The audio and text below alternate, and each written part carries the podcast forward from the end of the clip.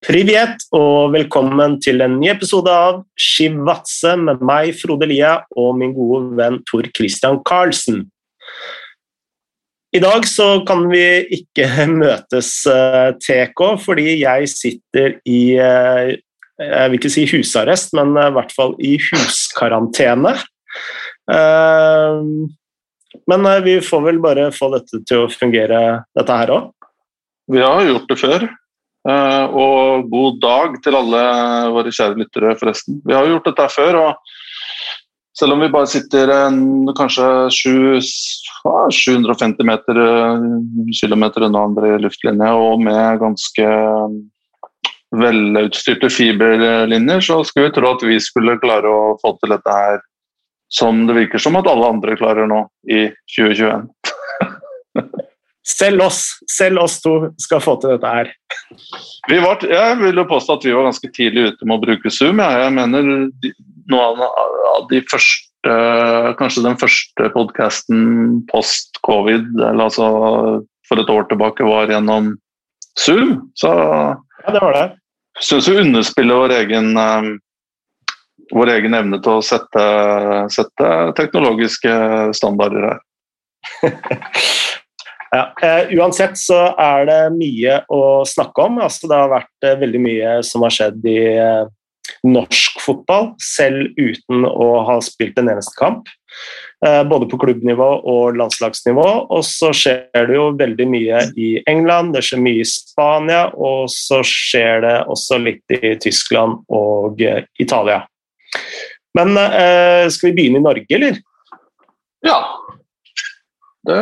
Der, Passer jo bra, det. Ja, fordi eh, der har det jo vært litt eh, fyr i, i teltet. Og eh, vi som kjenner Simon Mesfin litt, grann, det er ikke ofte vi ser han sint. Han var sint. Ja, det intervjuet i VG i går var noe av det mer friske jeg har sett fra, fra en ellers så sindig og behersket mann. Uh, vet ikke om du vil oppsummere uh, hva som ble sagt der?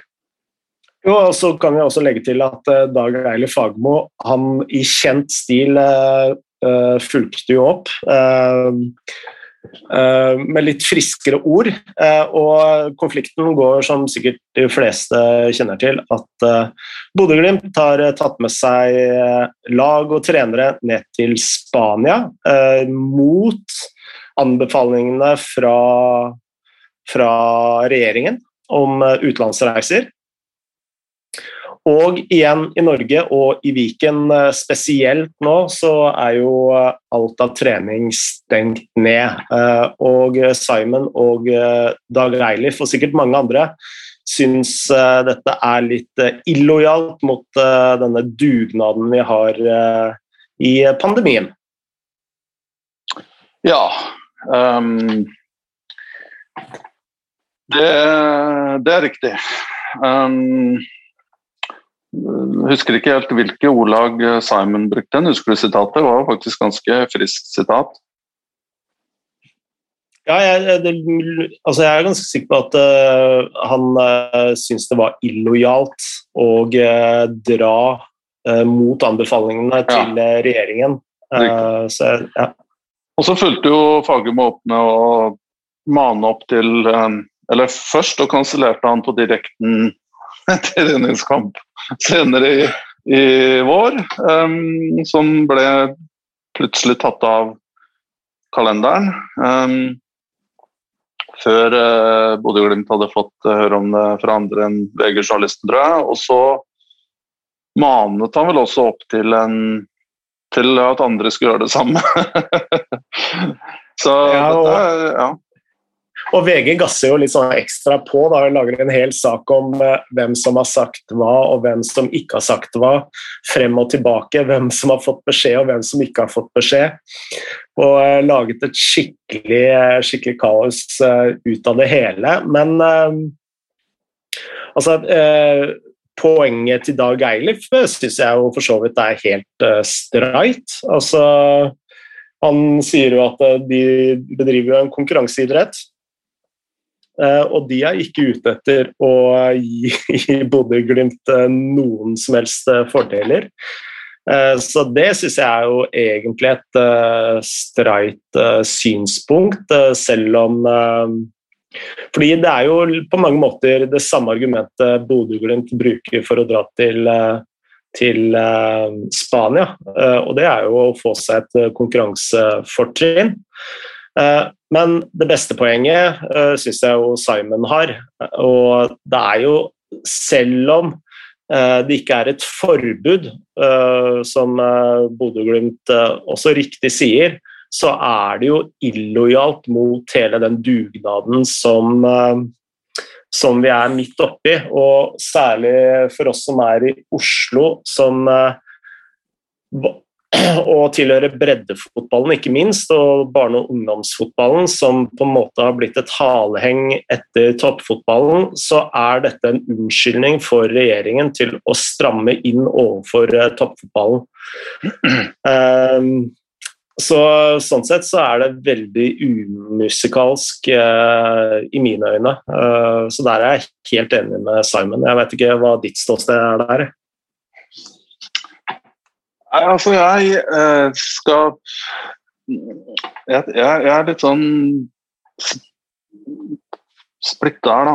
Um, altså jeg hvis du ser det, altså Jeg hører, hører det du sier, og jeg, jeg leste Simon, og han, han, er en intelligent mann. og Det, det er jo Fagermo, og jeg, og jeg skjønner jo at dette er provoserende for dem som har måttet eh, eh føle eh, pandemien sine konsekvenser veldig på kroppen, spesielt i fjor eh, ved disse tider, da Lillestrøm som ja, etter nedrykk så tok det jo ingen ut i permisjon, og de, de, har, de, har, vært veldig sånn Hva skal vi si? Lillestrøm har vært veldig øh, dyktige til å opprettholde en øh, disiplin her, og har vært lojale til de retningslinjene som har blitt gitt. Da, og vanskelig å ta dem på noe moralsk på en måte eller egeninteresse, for den saks skyld.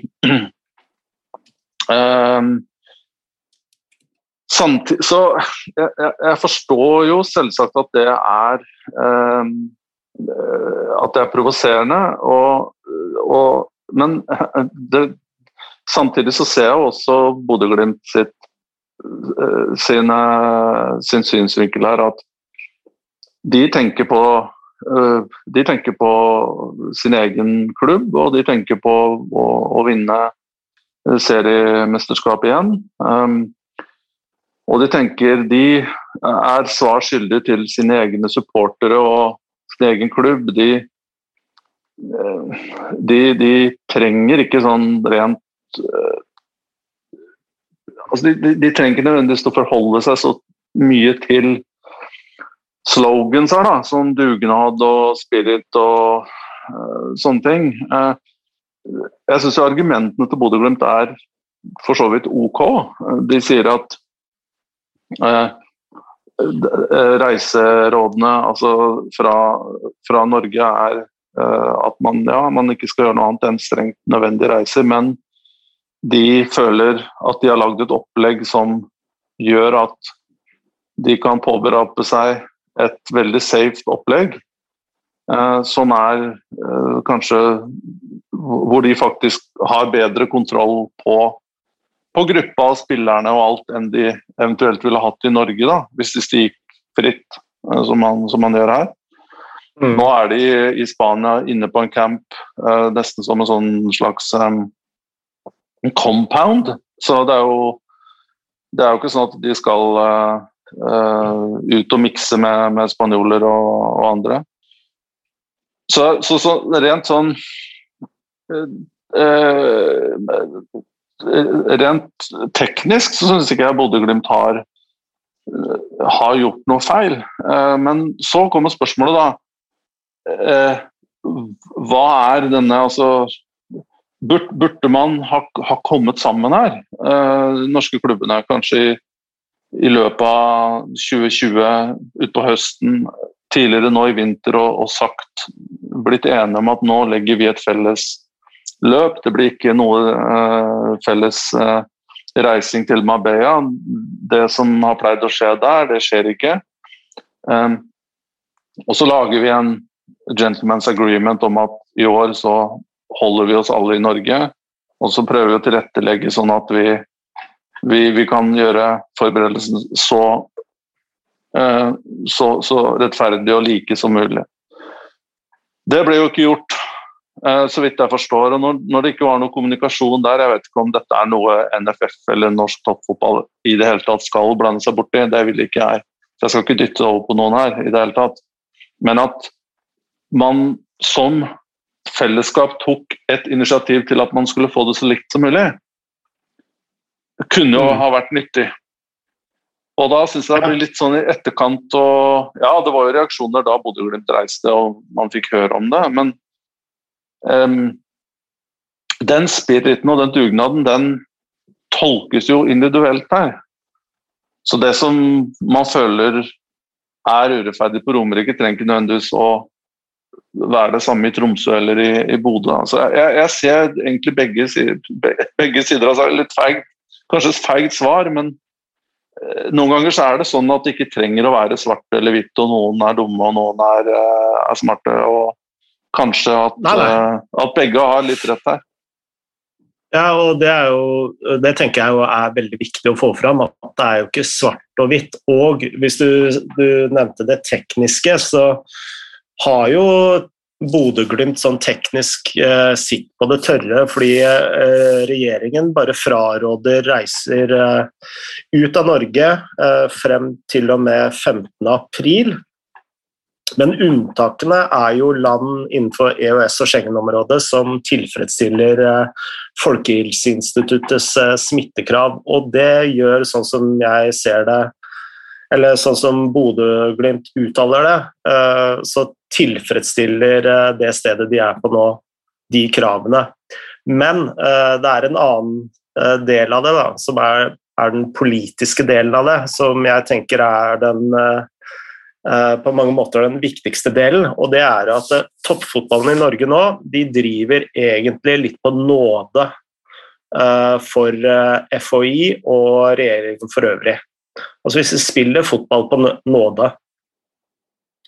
Og, og det er det jeg tror veldig mange klubber, og jeg vet at uh, veldig mange klubber er veldig opptatt av det. Og nå ser man at uh, flere og flere klubber tar tar seg friheter. Og Da tenker jeg ikke nødvendigvis bare på toppfotballen. Altså, vi hadde jo en situasjon med Bærum som, eh, som brøt, eh, brøt eh, restriksjonene i sin tid. og man ser i hvert fall, Nå kjenner jeg mest i Oslo-området at det er flere klubber, altså juniorlag, A-lag, også nedover i divisjonene, som bryter eh, uh, altså disse ikke karantenereglene, men alt fra én meters avstand og ikke overskride mer enn ti spillere på et lag osv. osv. Ganske konsekvent. Og Det som kommer til å skje, det er jo at eh, til slutt så blir dette så prekært at eh, myndighetene kommer til å sette en stopper for det. Og da, da er jeg helt sikker på at man kommer til å bruke bruke um, eksempler som Bodø-Glimt. At uh, de har uh, altså Du ser det for deg at Abid Raja står der på pressekonferansen og, og fordømmer utenlandsreisen til Bodø-Glimt på en måte.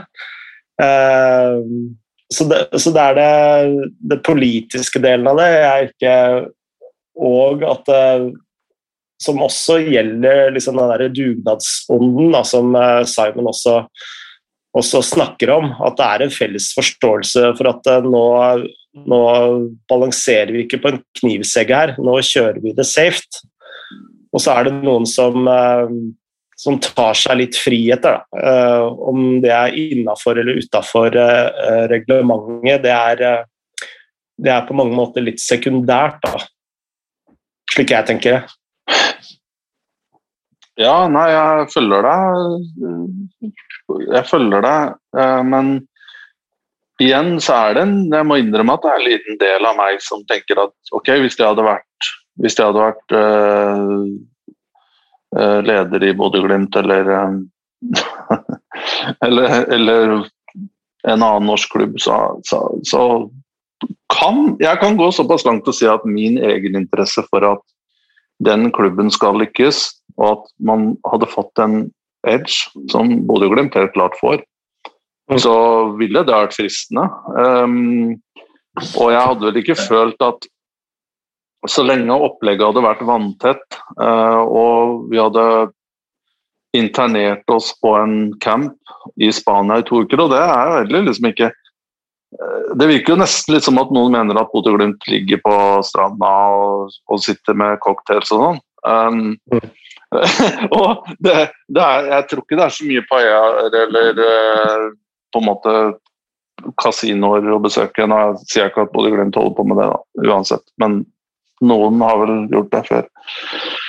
Um, men det, det, er vel ikke så mye av den uh, um, aktivitetene der, da. Det, det, det, er ikke lenger liksom så fryktelig stas uh, utover det sportslige å være der i Spania. Og så lenge opplegget er veldig veldig gjennomtenkt og, og, og, bra. Fra du reiser fra eh, der oppe i, i, i Bodø til du, liksom du lander tilbake igjen. Så jeg, jeg, jeg, jeg, ønsker ikke å moralisere, i hvert fall, eh, over Bodø-Glimt her. Jeg tror selv at om jeg hadde vært i deres situasjon, så kunne jeg vært tilbøyelig til å gjort det samme. Og da føler jeg i hvert fall at det ville vært eh, hyklersk av meg å å fordømme eller være kritisk til det de gjør. Um, og, men, men samt, og, og, samtidig så skjønner jeg at det er surt, surt for de andre. Men jeg tror løsningen for det eh, ville vært at man hadde tatt et initiativ tidligere og, og bestemt prøvd da, i hvert fall å komme fram til felles, eh, et felles opplegg så forstår man at Molde har ikke hatt noe valg pga. Europa. De har jo på en måte fått det privilegiet av å ha en camp i, i Spania fordi de har gjort det så bra. Altså, de har kommet seg videre i, i Europacupen mot alle odds. Så det er klart, de, de, har jo ikke noe De er jo ikke svar skyldige her nå på noen ting når det gjelder det. Men um, det, jeg, jeg syns det har blitt det, det har latt det, det har, dette er en konsekvens av at man ikke som fellesskap, da, som Eliteserien Norge, ikke har kommet fram til en felles um, plan på hvordan man skulle operere i, i 2021. og Det ser man litt som konsekvensen av nå. Da. Jeg, det, jeg tror jeg lander på, det, på, på den konklusjonen der. Mm. Men uh, Bare for å runde av litt. Uh, uh, hvis ti eliteserieklubber drar til Spania eller eh, andre steder innenfor EØS eh, eh, Schengen. Og si fem-seks Obos-klubber gjør det samme. Nå vet jeg at det ikke er like sannsynlig, da. men hva tror du Bent Høie gjør, gjør da? Tror du han kommer til å kreve at Eliteserien altså forby toppfotball, eller stenge ned toppfotballen? Det er jo et hypotetisk spørsmål. Jeg vet ikke. Jeg syns det man har gjort her i Norge med tanke på smittetiltak og altså, forskjellige innstramninger har vært liksom, Det er ikke alltid jeg har tenkt Oi, dette her var logisk. Um, men noe av poenget her må jo være, mener jeg, at det, Og det skal jo ikke være straff. Man skal jo ikke straffe lag fordi man har uh, Altså igjen, jeg kommer tilbake til at og Det argumentet kjøper jeg fra Bodø-Glimt. At når du charter et fly og du bor inne på en compound hvor alle blir sjekka og testa, og det er liksom det er eh, lege, leger og, medisinsk personell som følger deg opp hele tiden, så er jo sjansene for å bli smittet der er teoretisk sett og sannsynligvis i praksis lavere enn å vandre rundt i det norske samfunn, i butikker og offentlig transport, og det er ikke alle som gidder å bruke munnbind her og der og besøke hverandre. og Det ser man jo masse, masse tilfeller her i Norge. Og, og, for alt jeg vet, eller det virker jo som at utbruddene i Norge nå er minst like alvorlig som det det er i deler av Spania, som har gått liksom med tunge, tunge lockdowns i måneder. Og hvis da liksom man skal straffe fotballen fordi at man uh, gjennomfører opplegg som er kvalitetssikra og er gode uh, for at man skal bli godt rusta til det man holder på med, så vil jo det være barnslig. og det må man jo på en måte altså det, det, det kan jeg ikke liksom forholde meg til den type eventuelle reaksjoner. Det for meg vil virke absurd. Men så er det klart, hvis noen kommer tilbake med, med covid, så Men igjen så er det jo karantene ved hjemkomst og, eh, og sånne ting. Eh, samtidig så men, men, en annen ting er jo at man, man, i de nesten alle andre land i Europa så spiller man jo også fotball. Uh, både den danske og den svenske ligaen, som er mest uh, vanlig for oss å sammenligne oss med. Uh, svenske cupen er i gang uten tilskuere, og Danmark så har man spilt nå ganske lenge serie og sånn. Så man kan jo ikke bare stenge ned fotballen i Norge fordi man syns at klubber har opptrådt frekt, når man tross alt spiller fotball over hele alle de andre eh, landene. Jeg sier ikke at fotballen skal ha særbehandling, overhodet ikke. Og hvis man bestemmer seg for å stenge ned fotballen fra topp til bunn, så er jo det skal det respekteres, men ikke som en slags straff fordi klubbene har vært eh, frampå med å prøve å forberede seg på best mulig måte er mitt lange svar. Mm. Kan jeg legge til at uh, Bodø-Glimt hadde jo to covid-caser før de dro til Spania. Så det er Når de sier at uh, det er tryggere for, dem å dra til Spania enn å være i Bodø, så kan jeg jo forstå det. Jeg har akkurat vært i Tromsø selv. Og jeg må jo si at det var som å gå ett år tilbake. det var som om om covid ikke eksisterte. For der var det mye slappere enn det vi opplever her i Oslo, iallfall. Med tanke på én meters avstand, munnbind ja. og alt sammen. Og det er, jo, det er jo veldig skummelt. Fordi det er jo kanskje Nå skal ikke, å, nå skal ikke jeg ta på meg rollen som noe annet enn den podkast verten, co-vert. Jeg er ikke det, jeg er ikke podkastvert engang, jeg er co-side-sidekick.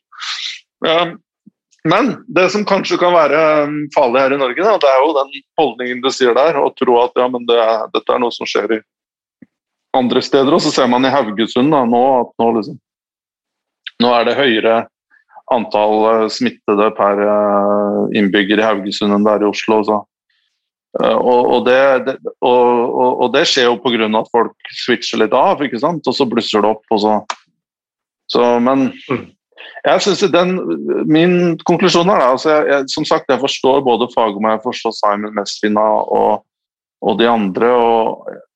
Men samtidig så har jeg veldig vanskelig for å hvert fall uttale meg kritisk om det Bodø-Glimt gjør, for for å, være helt ærlig. og jeg tenker at ja Hvis jeg hadde vært i, i, en klubb, så vil jeg at den klubben skal vinne. Og dette er ikke en koste hva det koste vil-situasjon, synes jeg. jeg, jeg her synes jeg det er så stor gråsone at, uh, at jeg, i hvert fall Bodø-Glimt, uh, lar tvilen komme dem til gode. Du går ikke så langt? Nei, altså Jeg syns også dette er grått, så det er ikke svart-hvitt. Selv om kanskje alt jeg sa nå tyda på at det er svart-hvitt. Men det er noe med Altså, jeg, jeg syns Bodø-Glimt har gjort Altså Alt er jo innafor lovverket og de anbefalingene som har kommet. Jeg bare syns det er litt umuskask. Det er det eneste. Um, og jeg er redd for at uh, at uh, på et eller annet tidspunkt kan bli brukt som en uh, unnskyldning til å stenge ned enda mer av fotballen enn det som allerede er stengt i dag.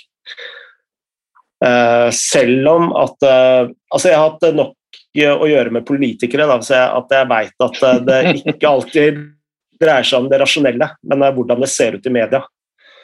Ja, ja. Det, det, det, det er riktig. Og det har vi i hvert fall lært under pandemien her. Og hvis det, hvis det, er noen uh, som har eh, skodd seg bra på pandemien, så tror jeg det er kommunikasjonsbyråer og PR-rådgivere og, uh, og, hvordan ting skal forandres på, på, forsidene. De tror jeg ikke har, har hatt mangla jobb, uh, eller hva sier du? Nei, absolutt ikke. Og når du sier at uh, Bodø-Glimt uh, har gjort alt etter boka, og uh, så skal man bli straffa av det så uh, tenker jeg at ja, det er sånn politikken fungerer. Da. At du blir dømt på hvordan det ser ut i media, og hvordan det ser ut utad. Ikke om ting har gjort etter boka eller ikke. Så det er egentlig bare mitt, mitt ståsted. Men skal vi komme oss videre? Ja, nå har vi brukt halvtime på på, på, første uh, subject her, så det er kanskje på tide. Ja. Uh, det er en liten ting, dette er ikke noe vi trenger å snakke mye om, men uh, i går så kom det endringer i overgangsvinduet, altså fristene.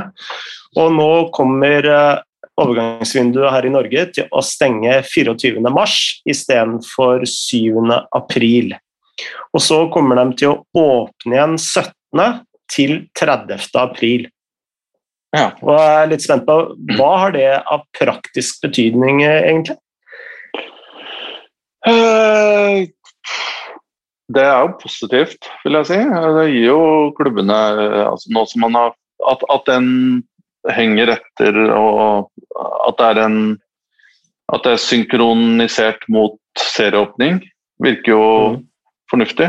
Um, så det gir deg jo, og særlig med tanke på at uh, det er også vanskelig å få gjennomført treningskamper og um, kanskje få vurdert laget sitt så godt, uh, eller spillerstallen så godt som man utgangspunktet hadde ønska. Så, så det, det, er fornuftig, og, men ja, så får vi bare håpe at ikke den blir flytta enda lenger fram. Noe som da sikkert vil bety at seriestarten også blir altså Som en konsekvens av seriestarten um, blir flytta enda lenger fram. Det er vel et av spørsmålene i dag, så vi kan jo ta det med en gang. Eh, det ser jo ikke heller så veldig lyst ut nå med tanke på, på 1. mai som, um, uh, som kickoff date. Gjør det det?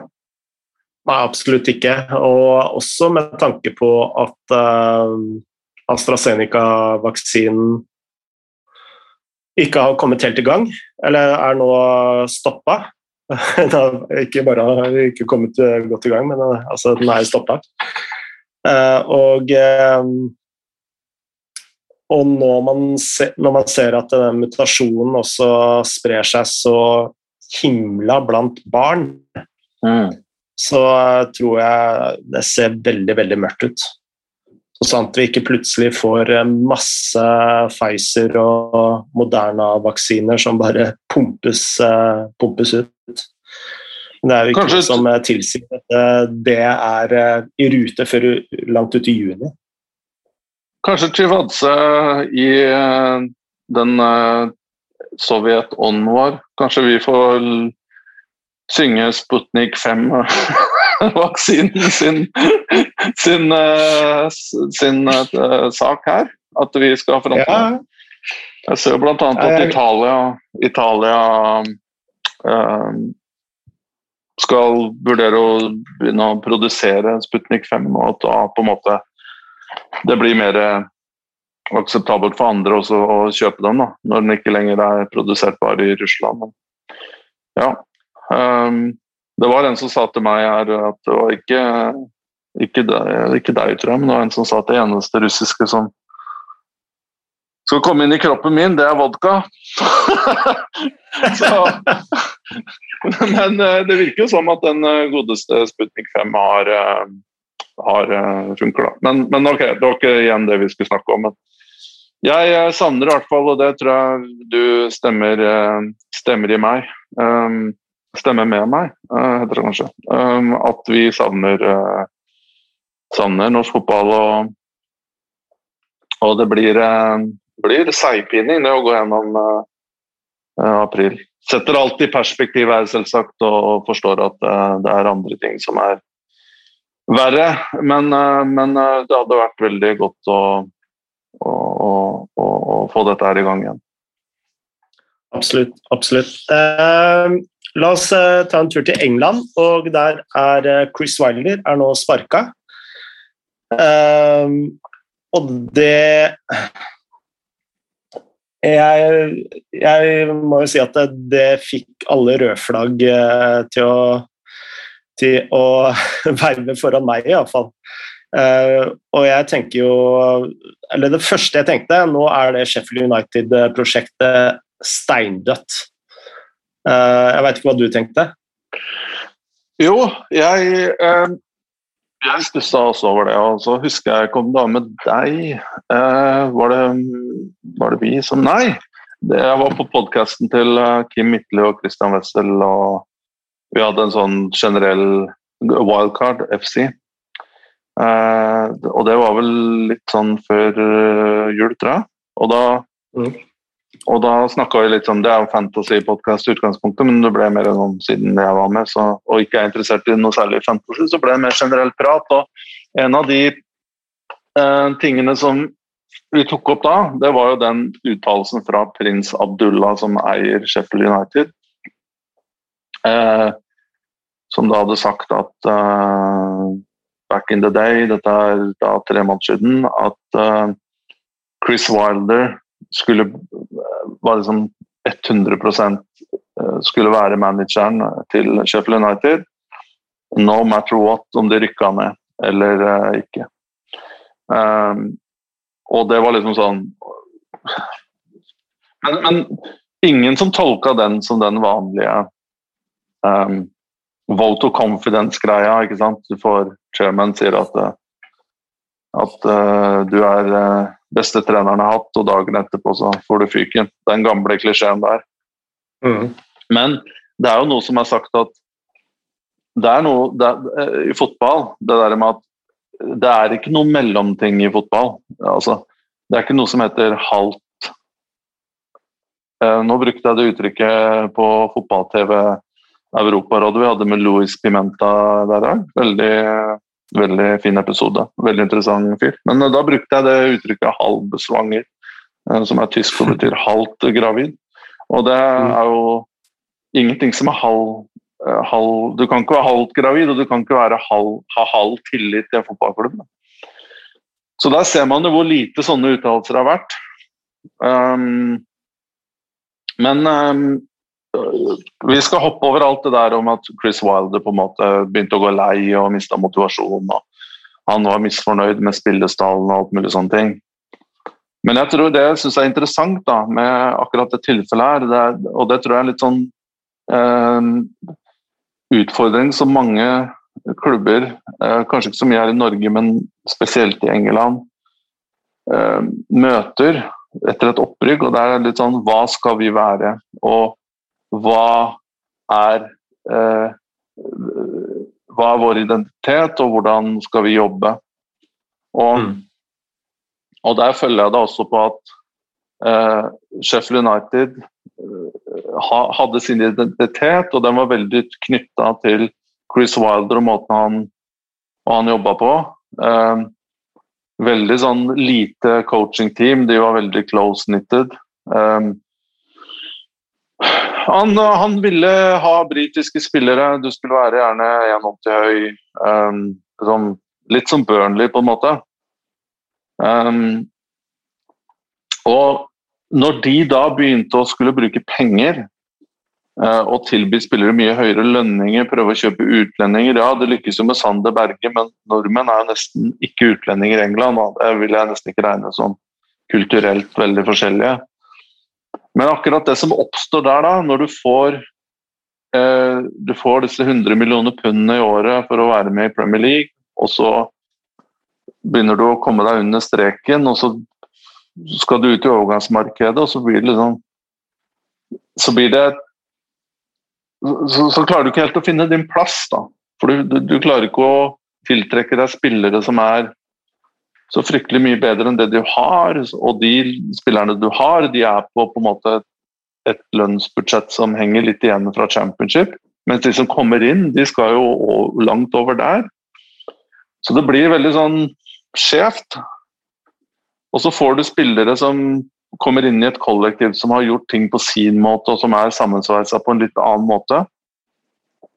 Med utlendinger som kanskje Ok, ikke bare utlendinger, men spillere utenfra som tenker mer på seg selv.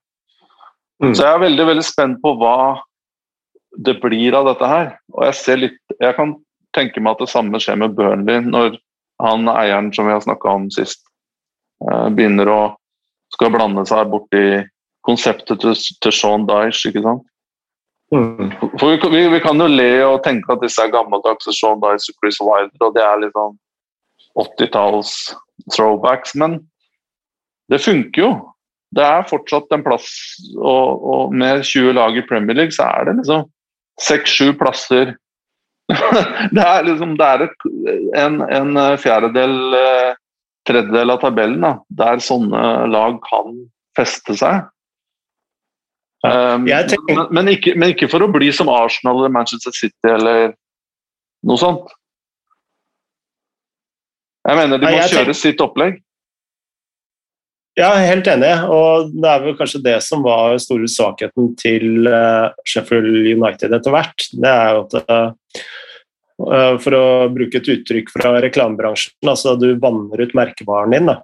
Du er ikke rendyrka nok. Og Eh, og jeg tror at eh, for lag som har, eller klubber som har mindre økonomi, eh, særlig i England, de må tørre å rendyrke seg fullstendig for å kunne kappes akkurat de typer spillerne man trenger, da, på en måte. Og det er ikke bare Burnley, men og, altså, Norwich med Daniel Farke er jo på, på mange måter en helt andre enden, da. Men altså, det er et så veldig tydelig uttrykk at du eh, Og rendyrka. At eh, du, eh, du får Leeds kan jeg også si er mye av det samme. At du er så rendyrka og at du klarer å få spillerne til å vokse inn i et system. Da. Mm. Og Det var kanskje det som skjedde med Sheffield United etter hvert. At eh, man begynte å liksom tilnærme seg en annen spillestil. Man begynte å gjøre kompromisser. Og det er liksom døden, da. Og Burnley er jo et godt eksempel på det, eller som du nevnte.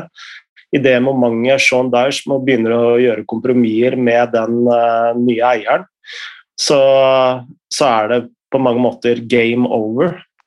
Eh, det er interessant det du sa om uh, ideer fra 80-tallet og sånn. Altså, jeg har uhyre respekt for uh, managere som klarer å organisere et forsvar, sånn som Roy Hodgson, sånn som Sean Dyche og Chris Wilder.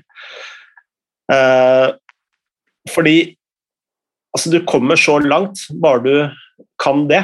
og du ser gang på gang på gang nyopprykka lag som ikke har det på plass, og som bare faller gjennom med én en eneste gang. Som prøver å være litt mer sexy enn det de, det de skal. uh, ja. Så, jeg, så jeg, har uhyre respekt for uh, både Roy Hodgson og, og Sean Dyche. Altså, jeg mener Man kan også argumentere for at det de gjør i Premier League med de troppene de har, er jo på mange måter eh, vel så imponerende som veldig mange av de managerne som kjemper i toppen, gjør med sine spiller, spillertropper. da.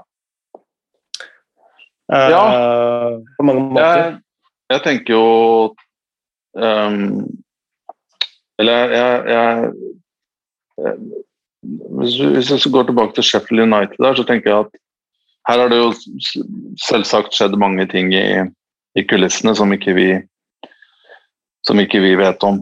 Uh, og så det blir jo urettferdig å, å, å, lande på noen sånne tøffe, harde konklusjoner. Um, men jeg ser jo noe av det uh, som gjorde at Chris Wilder um, uh, til slutt her, her, virker det som at han gikk lei, og at det var ting som sagt har skjedd i kulissene som gjorde at han mista litt motivasjon. Han kasta spillerne litt under bussen der på en periode og, og sånn. Um, for ikke så mange ukene siden hvor han mente at spillerstanden var for dårlig. Men um, Og der uh, igjen så tror jeg jo problemet og, og, han ønsket jo ikke heller da å underlegge seg en, en, en, en sportsdirektør. Um, men ok. Så Derfor er jeg veldig spent på hvordan, hva som skjer med Sheffield United nå. De rykker jo ned, det er jo ingen tvil om. Men om de Hva gjør de? Eh, blir det år null, og så installerer man en eh, sportsdirektør, og så lar man vedkommende jobbe i vedkommende tre-fire år, eh, fem år, og så bygger klubben på en annen måte som kanskje ikke baserer seg så mye rundt det kollektive, da, som du, du var inne på. Og at det dreier seg litt mer om attraktiv fotball, salgsobjekter. Eh, litt mer eh, på en måte La oss si Sånn som eh, etter hvert Aston Villa har klart, da, som et eksempel. Um, eller om man skal fortsette i samme, samme gata som uh, Chris Wilder. Men jeg, jeg, tror det der er veldig tøft, i hvert fall. At uh, det å klare å, å, å, på en måte blir litt som å ta imot Det er en veldig stygg uh, analogi, men det er litt som å ta imot en kniv som uh, En sånn brødkniv som du mister, og prøve å ta imot den mm. i fallet. Det er liksom For det Noen ganger så må du bare la den gå ned, og så bygge opp derfra igjen. Ja. Men um, det er igjen, da, som vi er inne på der, det er, det er, litt sånn Hva ønsker du hvis man tenker fra et styre-eierperspektiv? Jeg tenker jo også at neste kan jo være eh, Nå sier jeg jeg tenker nesten mer enn Martin Ødegaard, forresten, eh, som sier det hele tiden. Eh, men at, fra, at, at det neste kan bli Roy Hodgson, og at hvis det hadde vært la oss si et vanlig år med mennesker på Sellers Park, og sånn, så kan det være at han hadde vært under litt mer press. og at Til slutt så blir eierne presset til å til å, å restrukturere seg litt. Da. At man skal bli mer moderne og attraktiv. Og, men uten tilskuere så, så er det kanskje litt lettere. Eh, du hadde jo et intervju med Henning Berg på fotball-TV, og jeg syns han sa noe veldig interessant. Det var at eh, Og, og eh, altså nå ligger vel kypriotisk fotball på en 13.-plass på Uefa-rankingen, mm. mens Eliteserien ligger på 24.-plass. Men det han sa, det var at eh, i, eller på Kypros så var du ikke så opptatt av eh, hva slags type fotball du spilte, bare du vant. eh, og det syns jeg Og det første jeg tenkte da, det var at eh, eh, Nå skal ikke Henning Berg slakte meg for å si det, men han slår meg som en mer sånn eh, pragmatisk, kanskje defensiv orientert trener. da med soneforsvar osv. osv. Men at eh, kanskje det er eh, en av styrkene til eh, kypriotisk fotball, og at eh, det er også en av årsakene til at det gjør det så bra i europeiske turneringer. Da, at, eh, du nevnte 80-tallsfotball, altså, men, eh, men at og, Men samtidig så sier også Henning Berg at de er jo er jo ikke så defens, defensivt uh, strukturerte som, som, i Norge. Da. Men, uh, men, det at vi har en litt mer sånn pragmatisk uh, forhold til fotballen enn det, eller den vinden som har blåst over Europa med, med altså den ballbesittende fotballen som, som har slått ut som en vind over Europa. Da. At det er, det er en suksessfaktor. da som, uh, som vi kanskje glemmer litt bort. Uh, hva tenker du om det? nei, at, at um, i land der hvor det er litt dårligere taktisk disiplin at du kan komme langt med å, å, stramme ting opp litt og gi spillerne mer ansvar. At eh, Hvis du har et veldig klart system, defensiv, måten du organiserer deg defensivt og at rollefordelingen er veldig klar, så er det jo enklere for spillerne å forholde seg til det. og jeg, jeg, jeg, tror nok Det kan jo være mye mer effektivt i, i land der eh, disiplinen ikke er så god. Um, og hvis man snur på det, som du er inne på, at eh, følger den trenden hvor at ja, alle skal være gode med ball og man skal spille seg ut bakfra. Man skal utvikle noe fotball med kreativ frihet omtrent fra ja, keeperen til og med til, til uh, nieren framme. Så, så, er det jo enklere å gjemme seg også litt bort, da, når du blir hele tiden opp, opp, oppmuntra til at man skal ta, um, ta dristigere valg og man får langt friere tøyler til å ta valg med ballen enn det man Hvis man har to eller tre, at når du får ballen, så skal du gjøre det, det, det.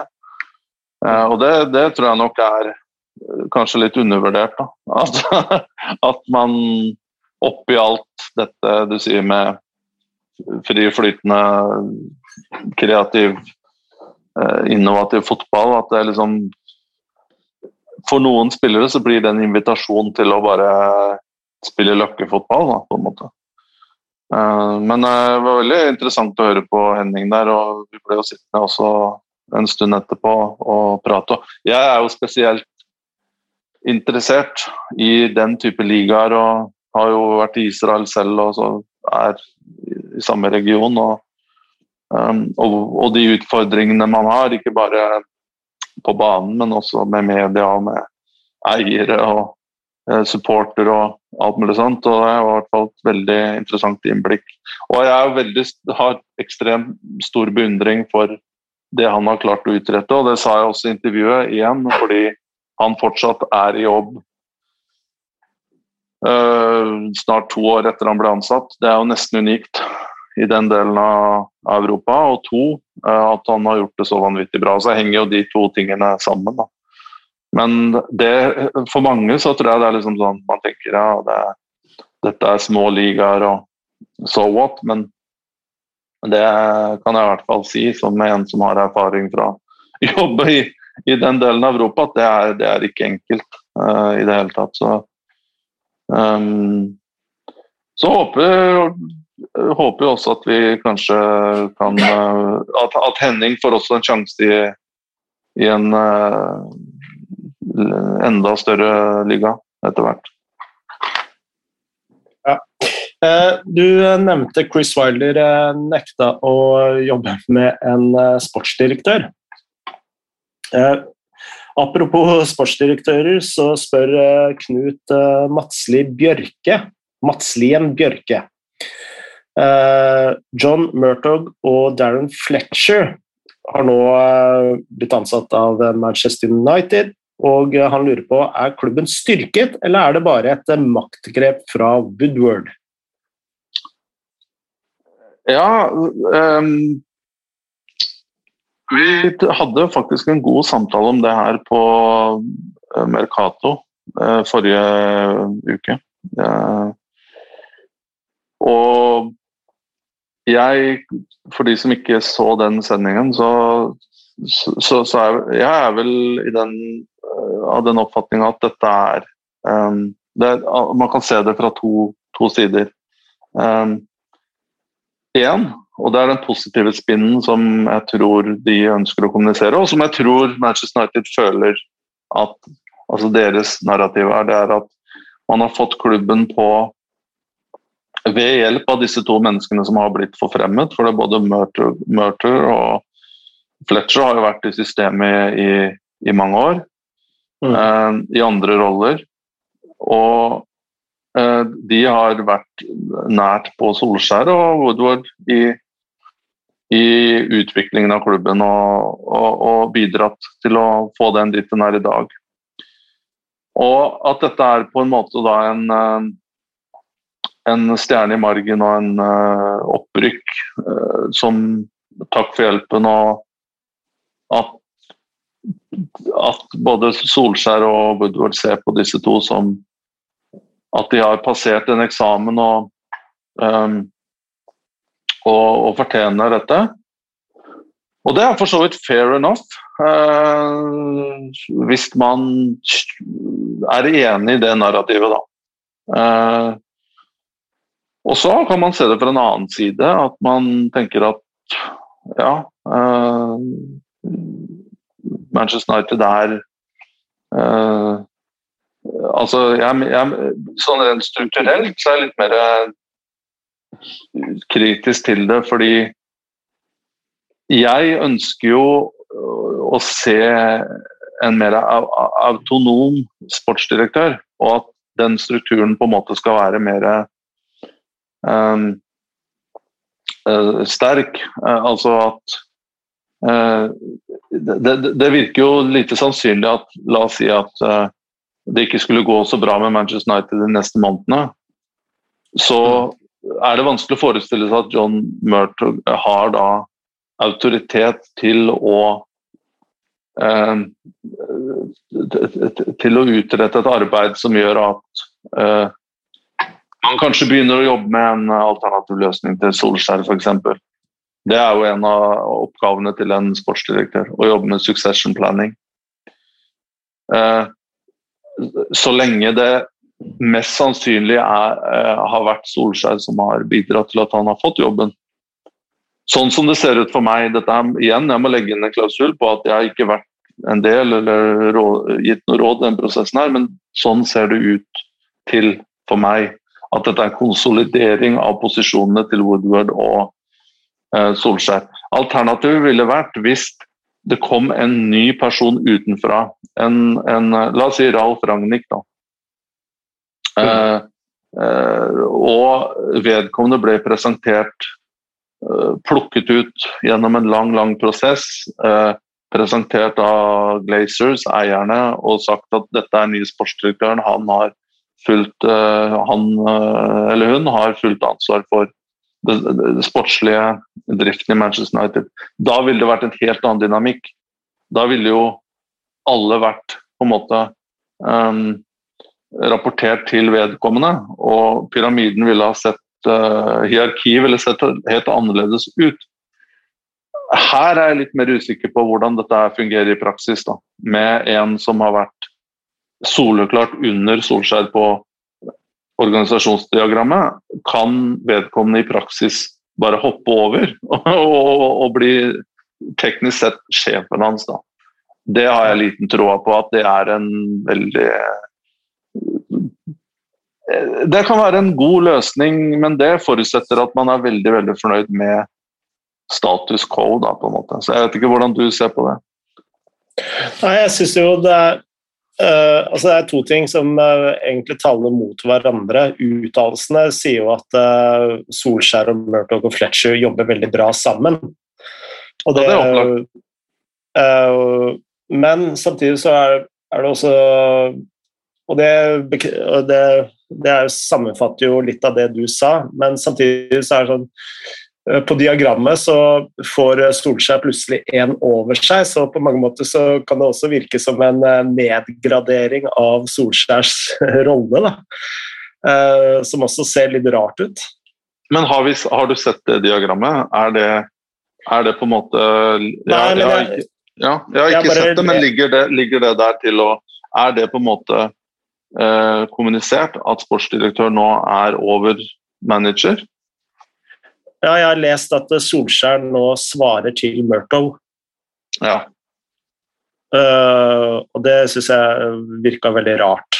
Uh, så det er det eneste uh, jeg veit. Men så, som du sa tidligere her, altså det er jo så mye som skjer bak kulissene.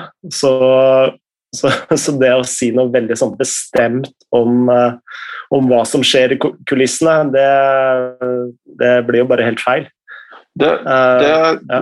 det, man imidlertid kan uh, forutsette, jeg, tror jeg, med ganske god, med ganske god um, samvittighet, det er at dette her har uh, Dette har vært timet perfekt.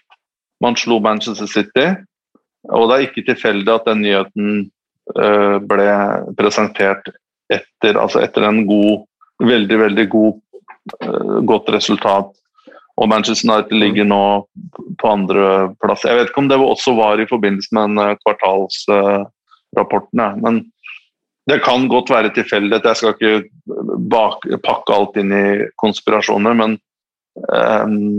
eller antakelser, men for meg så, så er dette en Jeg tenker at eh, Eller mistenker, da, i dette tilfellet her, at tankegangen er på den måten at ja, nå har Manchester United-supporterne mast om sportsdirektør og kontinental struktur i år og dag.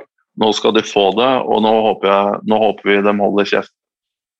Mm. Det er vel og bra, men så fort det ikke kommer til å gå bra, så kommer jo det med en gang om at ja, men her har man bare på en måte klødd hverandre på ryggen og hjulpet hverandre, og det er de samme menneskene som ikke har levert de resultatene vi forventer, som fortsatt er der.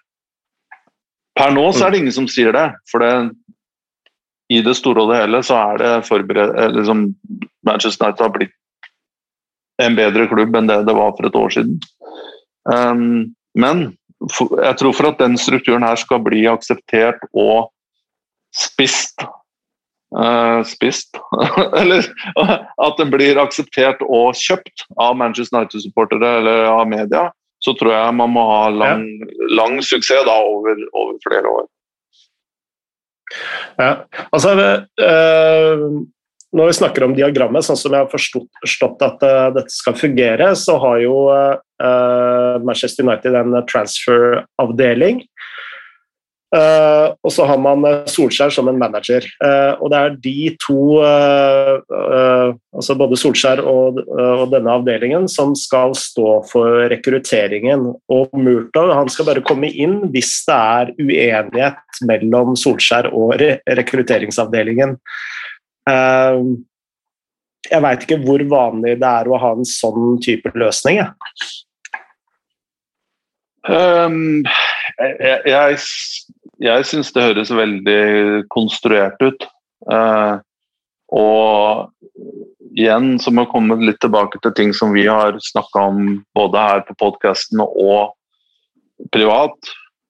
At når alt kommer til alt, så handler det jo om uh, liksom, Det handler ikke eh, om å konstruere liksom Hvis det skjer, så gjør man det, og hvis det skjer. Altså, alt er jo i mine øyne i hvert fall fluid. Det, det, det, altså ting forankres på forskjellige måter, og man til slutt så finner man en måte som, å jobbe på som er naturlig, og som funker for en, en, organisasjon. Og det er noe man må jobbe seg og føle seg frem til. Og det tror jeg nok de har fått til å, å løse da, i Manchester United. Selv om kanskje de siste overgangene ikke har vært uh, klaffet ennå, da, selv om van de Beek og Alex Telles og osv. at de fortjener også mer tid. Men jeg, jeg har i hvert fall sjelden opplevd at det har kommet til liksom veto-situasjoner. Uh, overgangsavdelingen vil ha dem, uh, treneren vil ha den.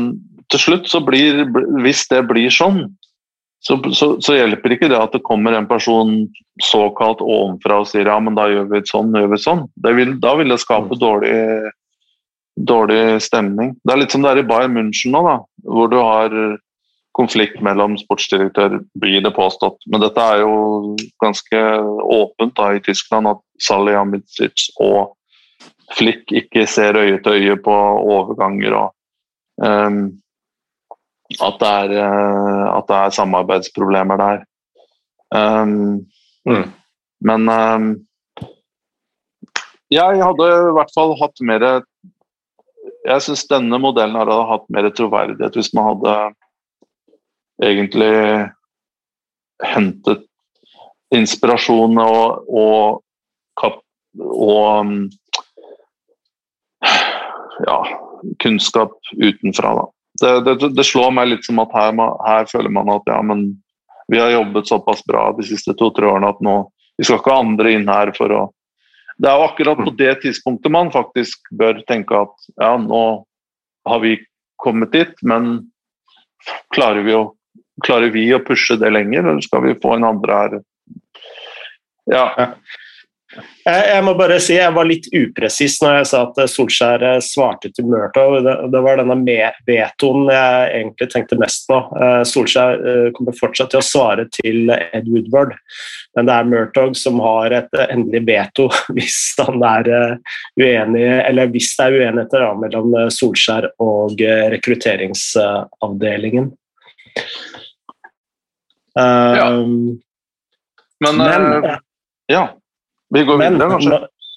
Ja, bare, bare, en liten ting. Altså, når jeg ser ja. på de klubbene i uh, championship og uh, Premier League da, som har et uh, velfungerende og kanskje en mer sånn kontinental måte å strukturere seg på, si, som f.eks. Norwich, da, som vi var litt inne på i stad. Og når jeg ser på hva Stuart Webber har gjort med Norwich, så, så tenker jeg at eh, og setter opp mot uh, hva eh, Manchester United uh, har, så, så, kan jeg ikke forstå noe annet enn at uh, Stuart Webber og sånt har en helt annen erfaring og touch enn hva, hva, de har i Manchester United på mange måter. Eller er jeg helt uten nå? Nei, nå altså, jeg, Ja, jeg skal ikke hel på det. det. Er to forskjellige, veldig altså, forskjellige klubber. og det, jeg, jeg, tror det faktum at du lykkes i Norwich, det trenger ikke å verken bety at du kan ta med det videre til en, til en uh, klubb som Manchester United. Det er helt, helt annet. Men det, det, utelukker jo heller ingenting. Um, men um, Nei, jeg tenker, jeg tenker mer på altså, en som er erfaren sportsdirektør, da. Uh, og ikke en som har hatt andre perifere roller. Nå har jo ikke Murtow uh, hatt det, altså, uh, for all del. Men jeg bare tenker altså det, ser jo på akkurat den sportsdirektørrollen som et helt eget fag. da. Som ja. du trenger mye erfaring i. og Hvis du ser på på CV-en til Stuart Webber altså, eh, glem, eh, glem, Stuart Webber, da, men når du ser eh, liksom, CV-en hans, da, at han har liksom, jobba seg opp fra bunnen innenfor akkurat det, det yrket, altså fra å være scout opp til å være director of football, altså sporting director, så er det ja. noe annet enn å Ja, ja jeg tar, tar det poenget, og det er det, jeg er også med på at det burde være et slags meritokrati eh, i fotballen. At hvis man eh, gjør en god jobb eh, et sted, at man, at man kan komme seg videre. Og det, det kommer det uh, Stuart Webber er eh, sikkert dyktig, og han kommer sikkert til å, å få tilbud. Men uh, jeg, jeg, tror den store testen her og det er, Sånn er det i fotball. Når, når, det går bra, så er det ingen, da er det ikke noe problem, og da er det veldig enkelt å være både trener og, uh, og, og sportsdirektør. Og den store testen den kommer jo hvis det ikke går bra. Og hvem er det som står fram da? Uh, nå, da der vil jeg faktisk berømme Ed Woodward litt. At uh, når det har gått dårlig med Manchester United, så syns jeg han har til tider tatt en ledende rolle, på godt og vondt. Eh, men han har i hvert fall ikke gjemt seg, um, som mange andre gjør. Og så er jeg veldig spent på da hvis, uh, hvis det går dårlig nå, en gang i framtiden, kommer sannsynligvis til å under, ikke prestere så bra som det har gjort nå. Hvem er det som står fram da? Er det, det Murtog eller er det, er det igjen Edwards? Og det, da ser man litt sånn hvor er det, hvem er det som har makten her. Um, mm. Og når det også gjelder, vi kan snakke, og Nå har vi snakka en halvtime om det, men vi, kan, vi kunne jo snakka om det til kyrne kommer hjem. Uh, men det er, min erfaring så er det Man kan tegne opp flotte powerpoints med, med, med bokser og, og, linjer og uh, hierarkier. Men det er til enhver tid den som sitter nærmest sjefen, eieren, presidenten, chairman. Det er vedkommende som, som har makten. Eh, og så kan man kalle hverandre det ene og det andre. Og når det går bra, og man vinner kamper, så er det Solskjær som sitter nærmest uh, Ed Woodward og Glazer. Og hvis det butter imot, så kan så, så, så, så, begynner tvilen å vokse på, om treneren gjør det bra. Sånn er, sånn er, det alle steder, og sånn har det alltid vært i fotball. Og da er det mm. andre som kryper, uh, kryper uh, inn til den beste plassen på bordet. så, sånn er mennesker, da. I hvert fall ut fra mitt uh, mitt, uh, min livserfaring. Uh, apropos Machiavelli Så må vi en tur til Catalonia og Spania, for der har Laporta har akkurat fått sin bankgaranti i orden, så han er nå Barcelona-president. Og en av de som spekuleres til å bli sportsdirektør der, det er en kar du jeg tror har møtt i Israel, nemlig Jordi Cruyff. Ja. Eh, for du har møtt han? Ja, ja. ja. Han var i Makabi Tel Aviv samtidig som jeg var i Makabi Haifa. Eh, interessante med Jordi Cruyff um, Husker jo han som spiller òg, fra både spansk fotball og Manchester United. Uh, om det. Jeg syns det er litt rart at han kanskje ikke har vært nevnt i sammenheng med, med Manchester United, egentlig. Bare sånn Kan jo godt hende han har vært i, vært, vært, uh, vært i samtale med dem, for alt jeg vet, men i hvert fall ikke Ole Gunnar Solskjær eh, omtalte jo Jordi Cruyff som en av hans eh, beste venner i starten eh, når han kom til Manchester United første gang. Riktig. Um, interessant er jo at han starta vel karrieren som sportsdirektør Jeg vet ikke om Henning nevnte det i, i, i intervjuet. På Kypros, med en klubb som heter AL. Uh, var der et par år, og så fikk han sjansen i Makabi Tel Aviv.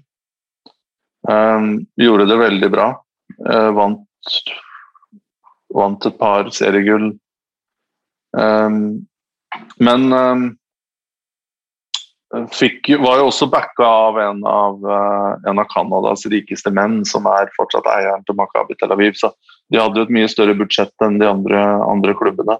Det han, fått, det han, har fått en del ære for um, jeg, jeg, vil jo ikke påstå at uh, Jordi Cruyff egentlig han, han, fikk jo inn noen spillere som var veldig gode, bl.a. Rajkovic, keeperen som de kjøpte fra fra Partisan, var det vel, Beograd, eller Røde Stjerne, og solgte videre til Russland, eller hvor det var, for, for mye penger. Uh, og, men han hadde jo Eran Sahavi, som skårte 35 mål hver sesong. Det er klart, det hjelper. Eh, og så var det ikke liksom, det var ikke den store kontinuiteten i, i spillertroppen der heller. Altså, han traff jo heller ikke innertier på alt, og spillere ble kjøpt og, og, og solgt. liksom som andre steder. Men jeg tror han fikk veldig god sving på akademiet der. Uh, og at det har blitt mye mer konkurransedyktig. Ja. Han installerte jo bl.a. en hollender uh, som fikk jobbe der fem-seks år uten med, med, alle fullmakter. Og han er vel nå faktisk hovedtrener, tror jeg. Men han prøvde jo også, og dette sier jo litt om Israels fotball. Han, han hyret jo inn veldig gode trenere som har vært uh, suksess andre steder, bl.a. Peter Bosch, uh, som nå er i Dortmund, nei, Leverkosen var i Dortmund. Og han uh, varte vel ikke en sesong i Makabi Tel Aviv. Um, Shotar Arveladze, som, uh, som han kjente fra Ajax, uh, vært trener med suksess andre steder lykkes ikke. Han måtte gå etter fire-fem måneder i, i, Israel.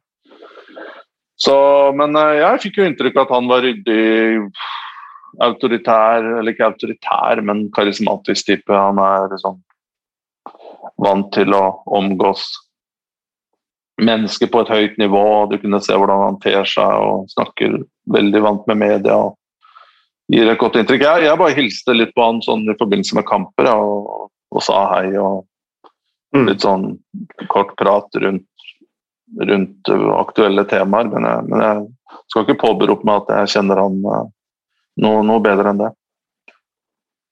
Men det er klart, du stiller jo, du stiller, du stiller jo med noen plusspoeng i boka da, når du, når du er av den av, avstamningen der. Det er vel mange av oss som må jobbe noen eh, år for å klare å komme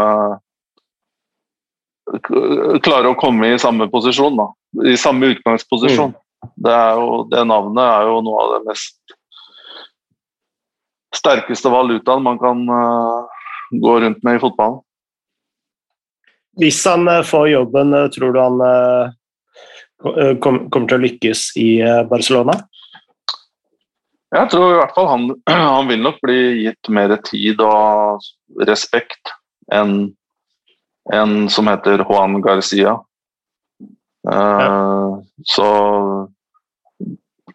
jeg, jeg, tror han kan ha en samlende, samlende han, han, er jo født, liksom oppvokst rundt Camp Nou og, og er har Barcelona i blodet. Altså, det, klart, det er jo ting som supportere elsker.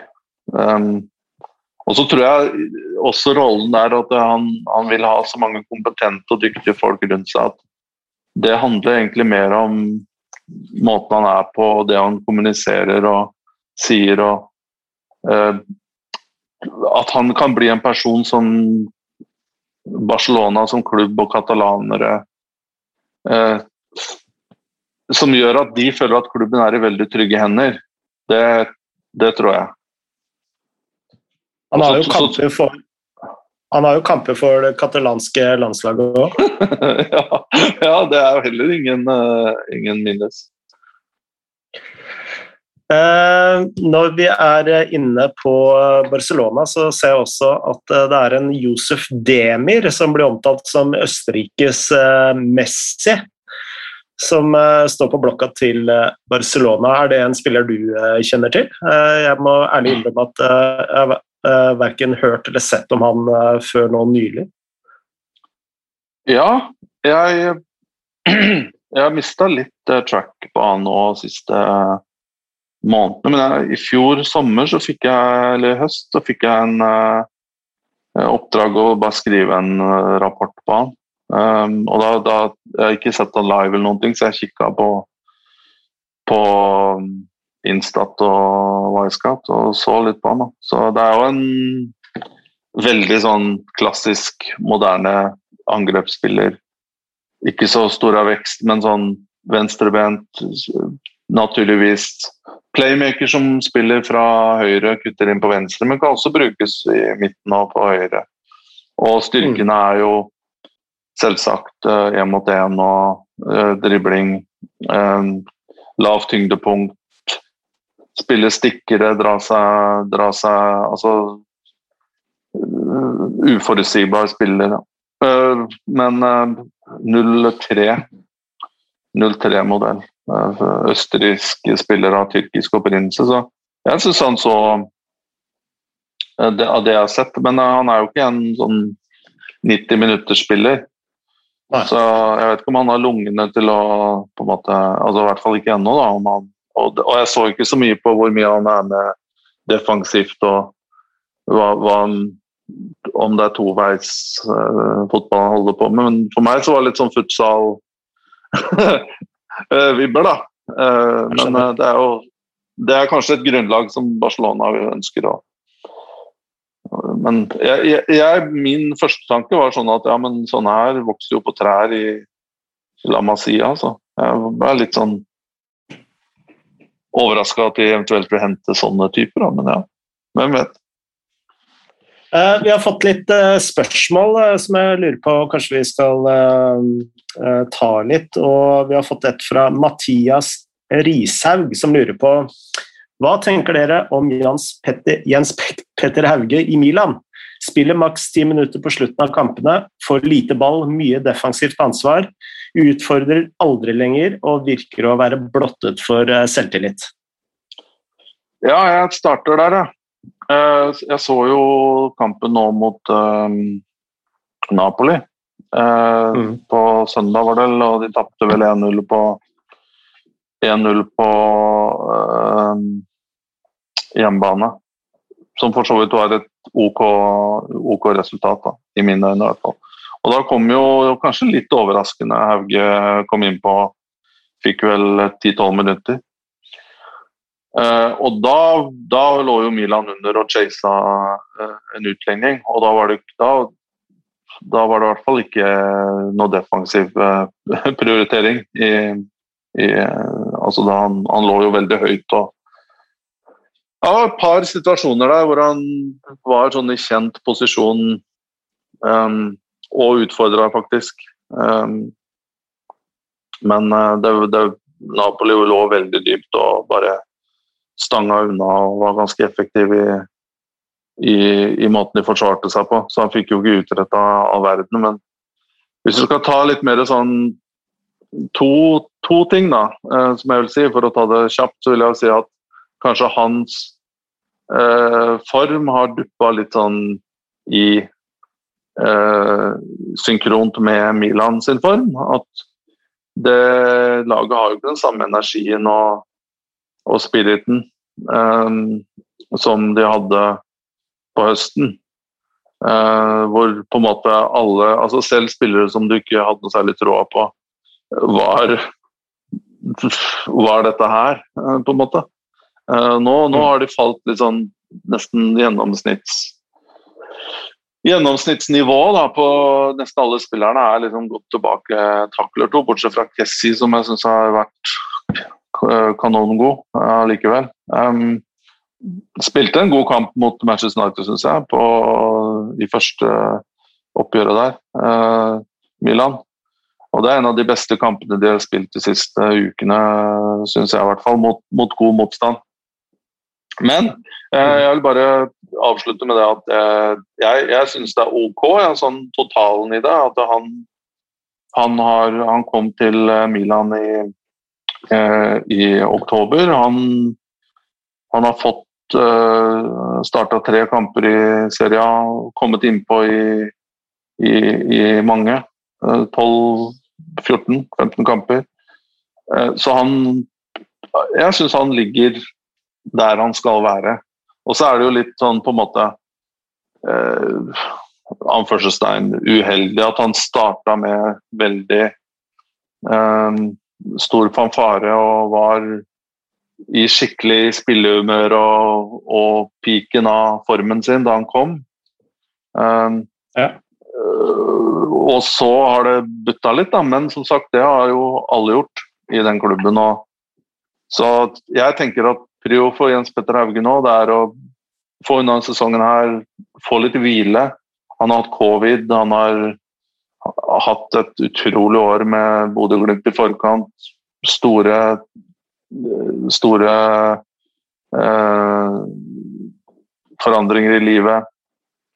Og så vil jeg også si at det har heller ikke vært enkelt, dette. har Jeg fått fra folk jeg har snakka med i flere land, faktisk, om at det har vært mye vanskeligere å integrere spillere, nye spillere i år pga. pandemien enn det har vært tidligere rent sosialt, for man har ikke kunnet gjort ting sammen. og Man har ikke kunnet på en måte utforske de nye omgivelsene. og Man har stort sett bare ja, oppholdt seg inne og kanskje sittet foran Zoom med familie hjemme i Norge og sånt. ikke sant? Så de greiene man gjorde før på fritid med, med, med teammates, eh, mm. og de tiltakene klubben gjør for å integrere og sånne ting, de har jo vært mye, mer, mye mindre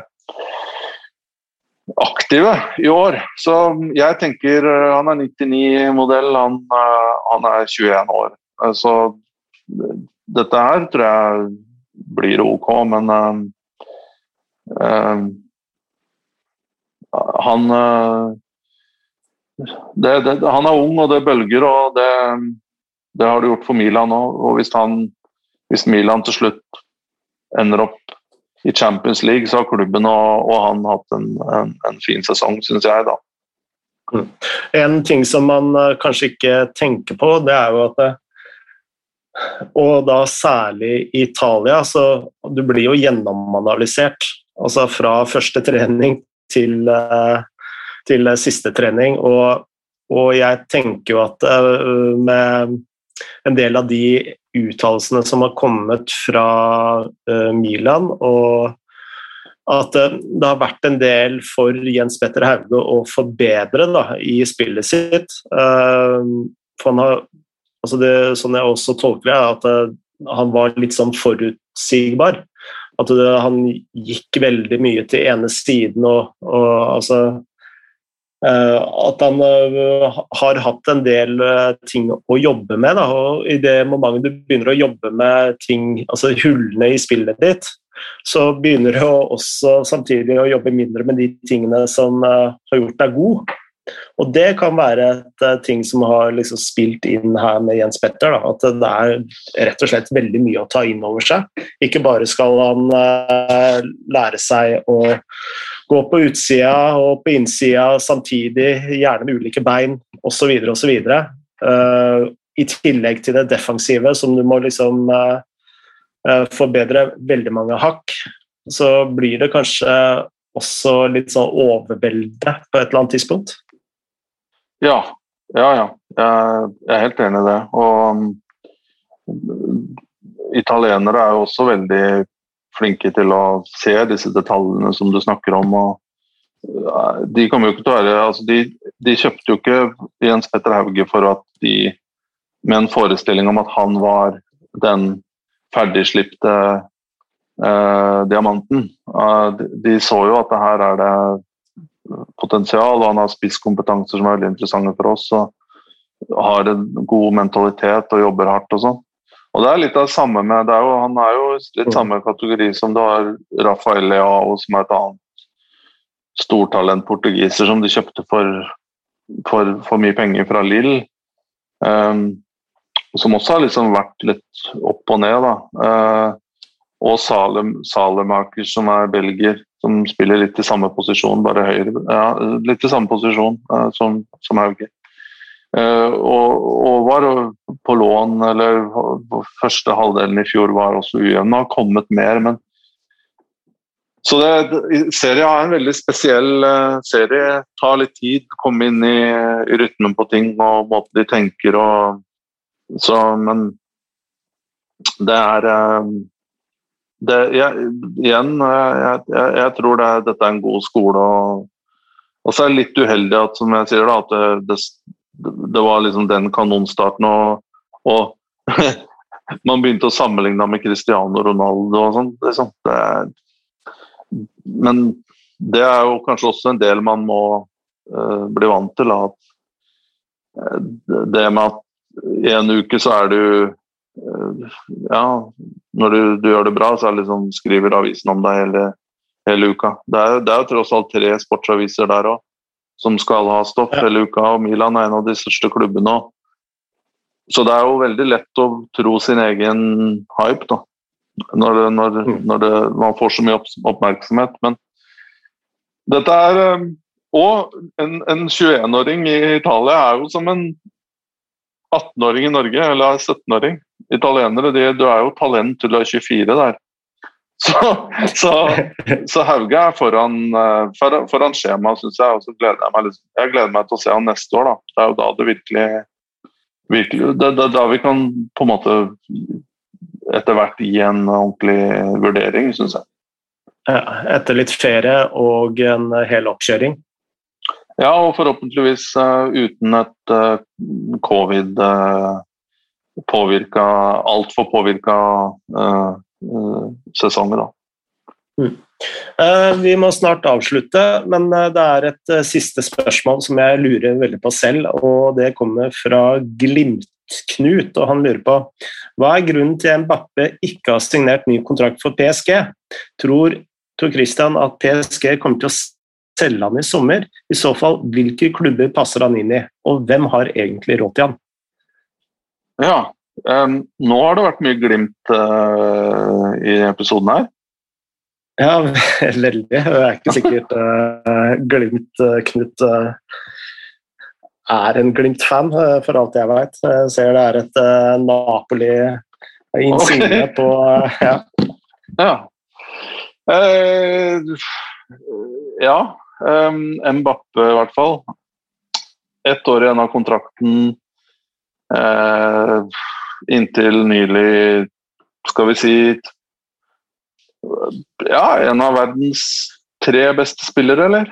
Er, han, at han har ligget der på den pallen i et par år nå, det er vel fair å si? Er vi enige om ja, det? Det er vi enige om. Nei, den eh, jeg, jeg, tror mistenker, tror mistenker at begge parter er litt sånn øh, Kanskje ikke er helt enige om øh, markedsverdi.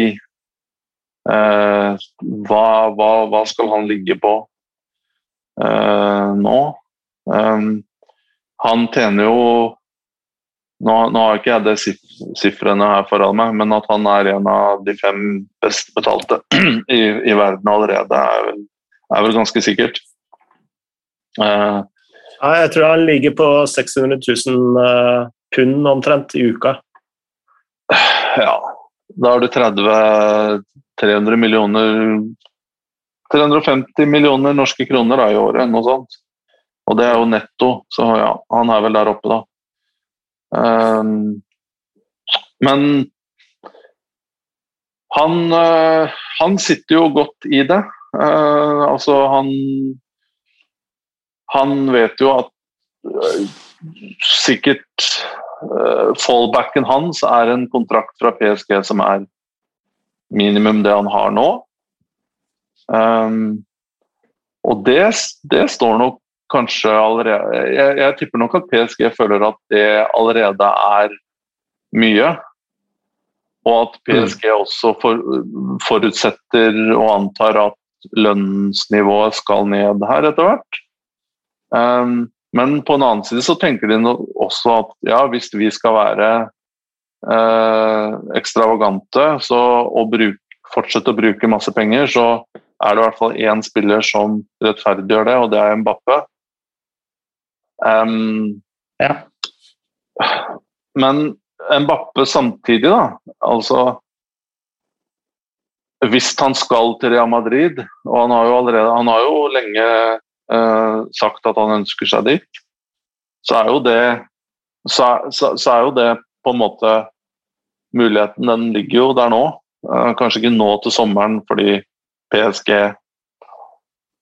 vil ikke gjøre det enkelt for Real Madrid å få kjøpt han ut, uansett hva de tilbyr. Eh, men nå har han i hvert fall et våpen, og det er den kontrakten. Mm. Eh, og da i verste fall så kan han si at ja, men da går jeg til Real Madrid sommeren 2022. Så han har i hvert fall argumentene og uh, verktøyet på, i sine hender da, til å kunne brekke seg ut eller få den overgangen til Real Madrid hvis det er virkelig det han vil. Men nå er det jo snakk om Cristiano, Cristiano Ronaldo tilbake til Real Madrid. Um, han har også ett år igjen. Han har også ett år igjen av kontrakten. Og det henter, um, henter vel ikke begge, de to?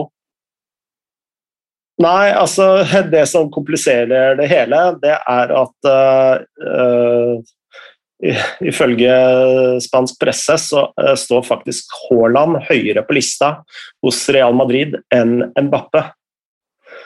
Uh, og de kommer nok ikke til å hente både Haaland og eh, Mbappe. Og, men Cristiano Ronaldo tilbake og Haaland, det er jo kanskje nær, nærliggende. Men nå har det jo akkurat kommet noen nye nyheter om at Fenway Sports Group de har gjort en emisjon og fått inn nye eiere, bl.a. LeBron James. Og, så de har jo fått inn mye frisk kapital. Og det de sier, er at i tillegg til å utvide, så skal de også styrke Boston Red Sox og Liverpool.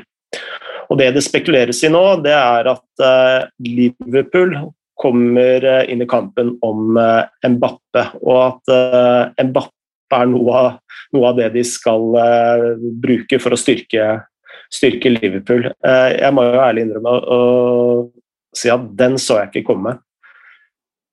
Eh, fordi det er litt sånn på sida av Liverpool, hvordan Liverpool har rekruttert tidligere. Så, så jeg vet ikke hva du tenker om det?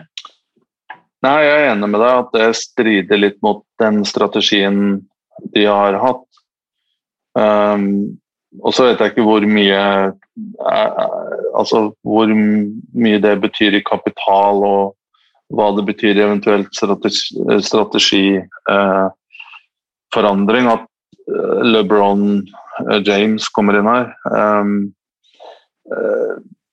jeg syns det er lang vei fra å hente Ben Davies eh, for noen millioner pund og Kabak på lån med opsjon i et overgangsvindu der man hadde en veldig stort behov for å kjøpe en stopper. Det er veldig lang vei derfra til Mbappe. For det på en måte det, det Samtidig så forstår jeg at Mbappe er en annen, er en annen størrelse. altså han vil jo bringe inn masse, masse cash og sponsoravtaler som er på et mye større nivå enn det man har i dag. Så. Men jeg tror ikke per nå eh, å kapre Mbappé er, er, realistisk for Liverpool. Og det er uansett hvor mye penger man har, så er det alltid en for det, Hvis det bare dreier seg om penger, så er, så er jo PSG Det er jo ingen som henter enn dem. Nei. Eh, så her er det jo snakk om også hva Mbappé ønsker Hva han ønsker å gjøre de neste fem årene. Mm. Han kan jo i eh, Og han, han, styrer jo mye av sin egen framtid akkurat nå, da. Um, men, det, men det, det, dette er jo et race, altså. Og, og, dette er jo kjempemoro moro, moro å prate om. Altså, hvem har sjanse til altså, Det er et race mellom disse to spillerne. Haaland har en opsjon på 75 millioner euro fra, som gjelder fra neste januar. Mbappé er på vei ut av kontrakt da, hvis de kan signere ny. da. Hvem har kapital og et sportslige, sportslige planer som er tilfredsstillende for disse to her? da. Så Det, det er jo kjempemorsomt å, å leke med, med, med sånne scenarioer. Men for meg så er det i hvert fall sånn at Real Madrid er alltid en faktor da, når det kommer til sånne, så, sånne, sånne greier. I hvert fall for en franskmann. Og så tror jeg fortsatt på at kanskje nisselua er i veien for synet mitt, men jeg har fortsatt troa på, jeg, har fortsatt troa på at Haaland har, har, har, mer lyst til å spille i England enn han har lyst til å spille i Spania. Da. Men um, min, Min drøm er at han ender opp i Leeds. Men hva skjer i Leeds? da? Jeg ser de, Det rapporteres at uh, de sonderer terrenget etter uh, Bielsas uh, etterkommer. At det skal være Allegri. Er, er, vi på oppløpssiden av Bielsa sin Leeds-stint her, eller? Ja, Han er jo allerede på overtid. Altså Det er jo sjelden han har vært så lenge i en klubb som eh, det han er i Leeds. Så, jeg hørte på podkasten totally, totally, Football Show, er, det det det heter? Ja. Uh, og, da var det en av paneldeltakerne som hadde sittet rett ved siden av eh, benken til uh, Tukkel og Bielsa. Egentlig mest for å høre på instruksjonene til Tukkel, men han var, var helt forferda over hvor stygg Bielsa hadde vært i munnen. altså Når spillerne hans hadde ligget nede, sa de 'kom deg opp igjen, dette gjør ikke vondt'. Bare med, med, med litt styggere språk. Men eh, tror du det er Så, eh, ja. Tror du det, det blir skifte der? Og, eller er dette bare noe som dukker opp nå fordi det har gått litt trått? da? Uh, det at liksom Én seier på de siste seks, tror jeg. Er, er, dette bare noe som kommer nå for de, eller er det på en måte at Leeds nå ser at den der Bielsa-syklusen er i ferd med å repetere seg igjen? da?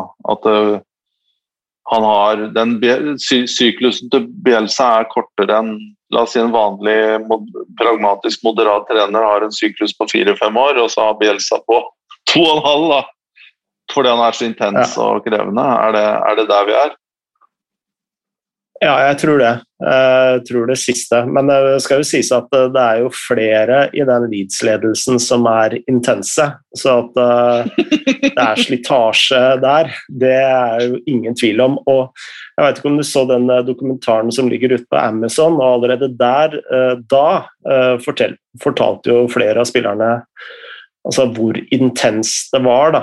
Uh, kan tenke deg Du veies hver dag, og du uh, De trener kun på, på altså én intensitet, og det er full intensitet.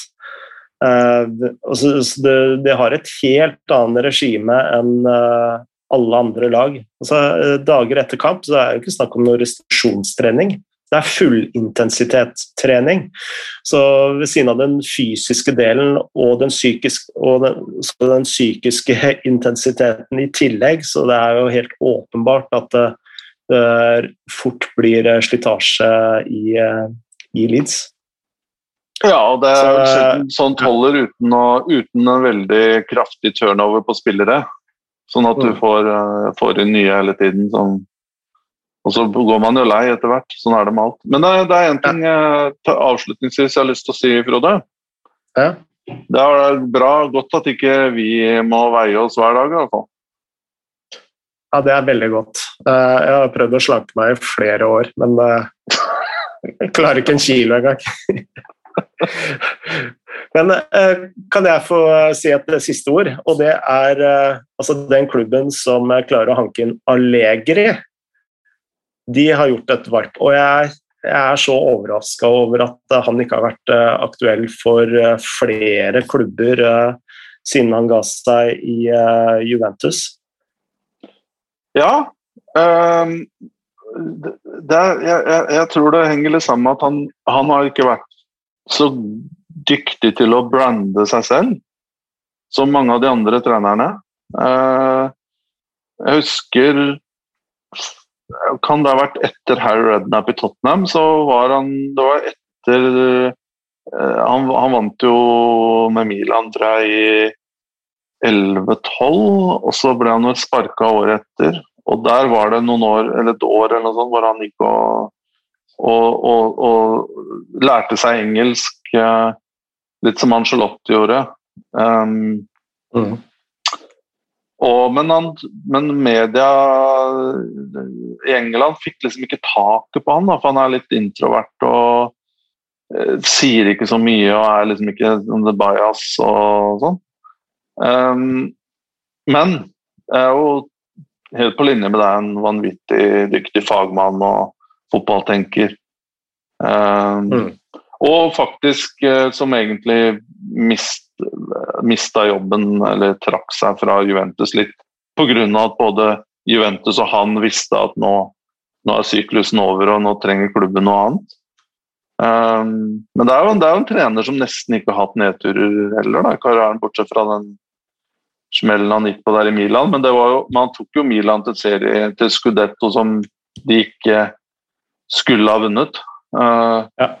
Så enig. Uh, men uh, man, der ser man hvor viktig det er å uh, på en måte også ha et spillernavn. Uh, hjelper jo. Han var jo ikke noen stor spiller sånn internasjonalt sett, så Men du, du det Ja. Få han til Leeds. Det blir uansett veldig spennende. Hvis Bielsa forsvinner, da. Vi, vi, vil jo ha Bielsa så lenge som mulig, vi, da. Bare sånn at vi har sagt ja, ja, ja. Ja, ja, ja. Absolutt. absolutt. Og så du, kan jeg bare hoppe inn, så får det bare stå sin prøve at vi har holdt på i to timer nå. Men du så jo at uh, Jorge Sampaoli fikk nå jobb i Marseille, understudyen til Bielsa. Ja, det så jeg. Men uh, han er ikke the real deal, vet du. Nei, han er kopien. Han er kopien. Og uh, jeg, jeg, er sånn som Altså det er samme hvordan disse trenerne spiller, bare de er uh, originale. Det er det viktigste for meg. Og det var jo det jeg elska med Drillo, det er det jeg elsker med Pep, osv. osv. Nå kan det jo sies at Pep Guardiola ikke var originalen, men at uh, han hadde kanskje en læremester i Cruyff som, som fortjener den tittelen der. Bra. Ja, jeg bare tenkte du skulle få runda. Så hvis jeg skulle komme med en digresjon igjen, så blir vi vel fort sittende her til en time til. Så ja, vi, vi, vi, får, vi får uh, trekke for gardinene. For du hadde ikke en digresjon nå, ikke sant? Jo, jeg hadde faktisk det, men det får vi spare til neste. Og nå skal vi lo love lytterne, hvis de fortsatt har noen igjen, at uh, vi skal også være litt flinkere til å produsere. Nå som, eh, Zoom, nå som vi har fått Zoom eh, til å, eh, til å fungere. Det er kjempebra, og da sier vi som vi alltid sier her på Shivatse eh, Tre vodka det, er det ikke det?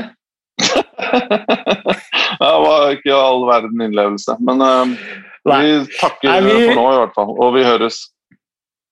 Vi takker for nå. Ha det godt moderne media.